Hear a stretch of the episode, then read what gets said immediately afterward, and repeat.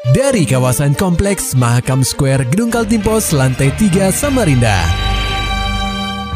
96,8 KPFM Kita akan ikuti program KP Flash News.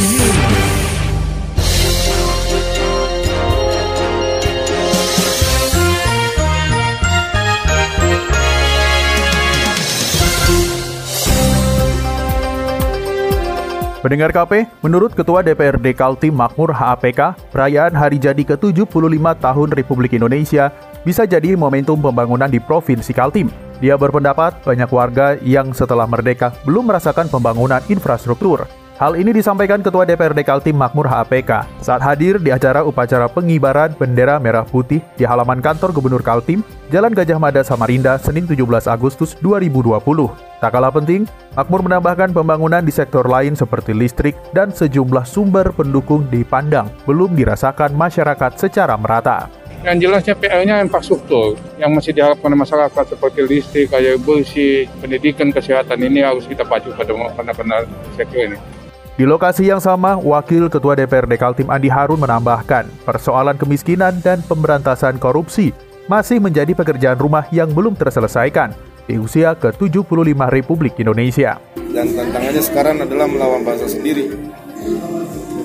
Sehingga bagi kita di Kalimantan Timur sebagai bagian dari negara kesatuan Republik Indonesia, perjuangan kita adalah perjuangan perjuangan melawan kemiskinan, perjuangan melawan korupsi, perjuangan melawan ketertinggalan.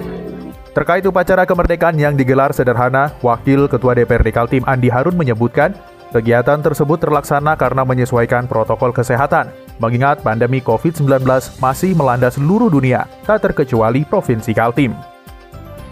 Pendengar KP, kasus harian yang terkonfirmasi positif COVID-19 di benua etam masih cukup tinggi. Dinas Kesehatan atau Dinkes Provinsi Kaltim mencatat ada penambahan sebanyak 93 kasus pada Selasa 18 Agustus 2020. Juru bicara Satgas Penanganan COVID-19 Provinsi Kaltim Andi Muhammad Ishak menuturkan, penambahan kasus terbanyak berada di Bontang dengan 46 kasus. Disusul Balikpapan dengan 28 kasus, Pasir 10 kasus, Berau 4 kasus, Penajam Pasir Utara 3 kasus, serta Kutai Timur dan Samarinda yang masing-masing menyumbang satu kasus. Kasus positif terkonfirmasi COVID-19 pada hari ini ada penambahan sebanyak 93 kasus, sehingga total kasus terkonfirmasi hingga hari ini berjumlah 2.578 kasus. 11 kasus probable dan yang masih dalam proses sebanyak 2.233 kasus. Andi juga melaporkan ada tiga pasien yang meninggal dunia akibat COVID-19 pada Selasa 18 Agustus 2020.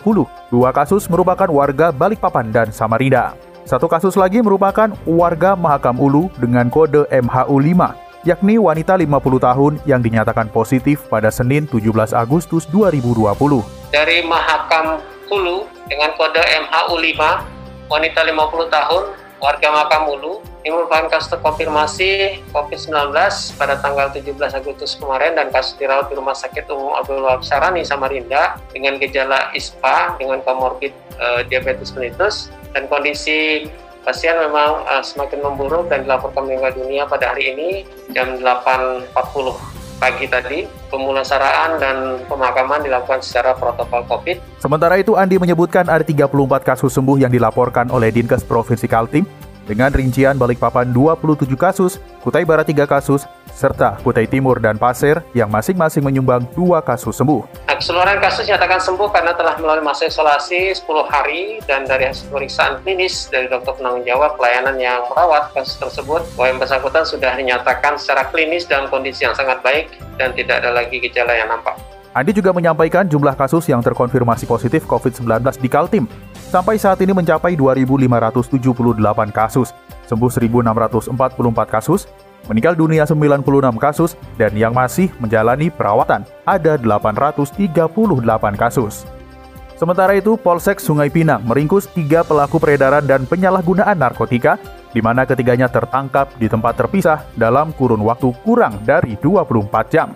Kapolsek Sungai Pinang, AKP Rengga Puspo Saputro mengatakan, Penindakan awal terjadi di sebuah rumah di Jalan AM Sangaji, Kelurahan Bandara, Minggu 16 Agustus 2020 sekitar pukul 23.30 waktu Indonesia Tengah. Dari hasil penindakan, petugas berhasil mengamankan seorang pria berinisial MSR, dua poket narkotika jenis sabu-sabu seberat 0,98 gram bruto yang disembunyikan di dalam kotak kacamata. Kita amankan seseorang namanya MN, inisial, alamat di Jalan SF Parman, Kelurahan Sidoarjo, Kecamatan Samarinda Ulu. Dengan barang bukti dua buah paket sabu yang disimpan di kotak kacamata. kacamata ini barang buktinya dengan berat sekitar per paket 0,49 jadi sekitar 0,98 gram 0,98 gram yang kami temukan di tangan pelaku Beberapa jam berselang, unit Reskrim Polsek Sungai Pinang kembali meringkus dua orang pria berinisial NF dan MH di Jalan Talangsari, Kelurahan Mugirjo, pada Senin 17 Agustus 2020 sekitar pukul 01.00 waktu Indonesia Tengah. Rengga menerangkan keduanya diamankan setelah kedapatan membawa satu poket narkotika jenis sabu-sabu dengan berat 0,48 gram bruto. Kuat dugaan keduanya kerap menjual narkotika di wilayah tersebut. Kemudian pada hari Seninnya, pagi ini hari juga kita juga mengamankan dua orang pelaku di perumahan Talang Sari, Kecamatan Samarinda, Sungai Pinang, dengan barang bukti satu buah paket sabu-sabu yang disimpan dalam rokok ini tas mendalam rokok yang pada saat itu kita amankan beserta barang bukti motor. Ada transaksi di pinggir jalan sekitar Permantalan Sari langsung kita amankan karena dia pada saat kita penyelidikan pelaku dua orang pelaku ini sebelas selibar bolak-balik naik motor dan sehingga para petugas curiga langsung mengamankan pelaku dan mengamankan bukti jenis sabu-sabu yang di dalam simpan di dalam kotak. Saat ini pihak kepolisian masih melakukan pendalaman terkait asal barang haram tersebut. Ketiganya akan dijerat dengan pasal 114 atau pasal 112 Undang-Undang Republik Indonesia tahun 2009 tentang narkotika. Masih dari dunia hukum dan kriminal, akibat hal sepele, dua pemuda asal kota Bangun tega melakukan pengeroyokan terhadap seorang karyawan toko kelontong. Laporan selengkapnya akan disampaikan oleh reporter KPFM Samarinda, Muhammad Nur Fajar. Pendengar KP, hanya karena tersenggol oleh karyawan toko kelontong, Dua pemuda asal kota Bangun berinisial DK dan DD tega melakukan penganiayaan hingga korbannya yakni MG mengalami luka robek di bagian kepala. Kanit Reskrim Polsek Samarinda Ulu, Ibda M. Ridwan menuturkan, kejadian ini bermula pada Minggu 16 Agustus 2020 di Jalan Pangeran Surenata, Kelurahan Air Putih. Saat itu, korban berinisial MG tengah membawa barang untuk ditaruh di kendaraan, namun tersenggol oleh dua pemuda tersebut ketika hendak keluar, lantaran tak terima Kedua pemuda itu langsung melancarkan boga mentah kepada korbannya. Adapun yang menjadi permasalahan karena adanya kesal kesalahpahaman di depan toko itu, di mana pada saat eh, korban ini lagi mengangkat barang ke atas motor, terus kemudian menyenggol daripada kedua eh, pelaku ini. Kemudian pelaku ini tidak menerima karena kena daripada barang yang diangkat itu kemudian langsung memukuli daripada korban. Selain daripada memukul dengan e, tangan dan kaki juga melakukan pemukulan dengan menggunakan balok yang mana korban dipukul pada bagian kepalanya sehingga mengalami luka jahitan sebanyak 10 jah luka apa 10 jahitan. Ridwan menerangkan, tidak hanya menggunakan tangan kosong, salah satu pelaku juga mengambil sebuah balok ukuran 5 x 5 dan memukul kepala korbannya hingga mengalami luka robek dan mendapat 10 jahitan. Lantaran tak terima, korban melaporkan kasus ini ke Polsek Samarinda Ulu.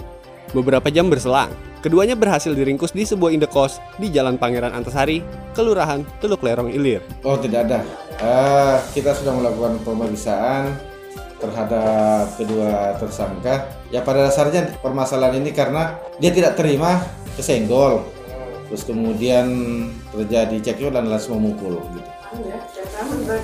Ya, jadi barang bukti yang kita amankan adalah kayu atau balok yang digunakan. Nah, balok itu berarti diambil di diambil sekitar TKP. Ya.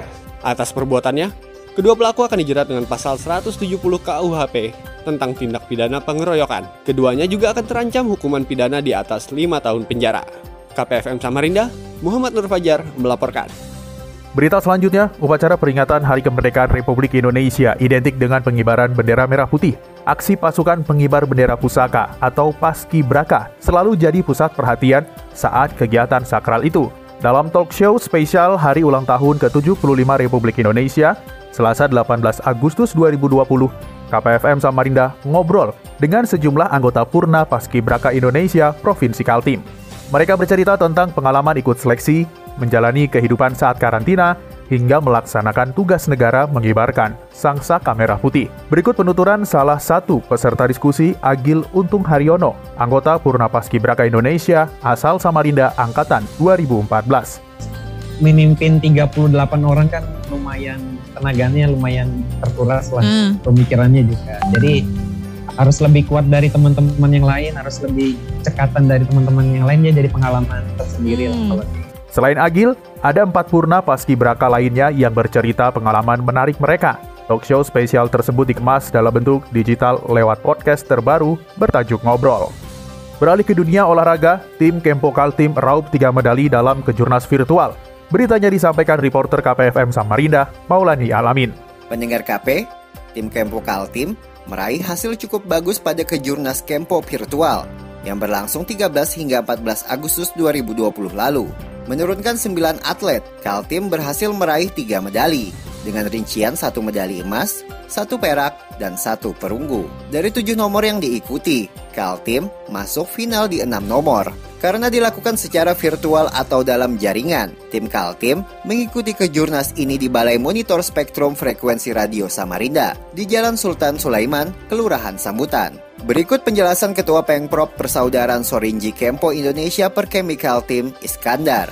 Nomor yang emas, itu nomor Embu, Embu satu dan Putri. Mm-hmm. Yang kedua peraknya uh, you can see atas nama Cesar. Mm-hmm. Yang perak eh, perunggu ini atas nama Repi dua tiga dan.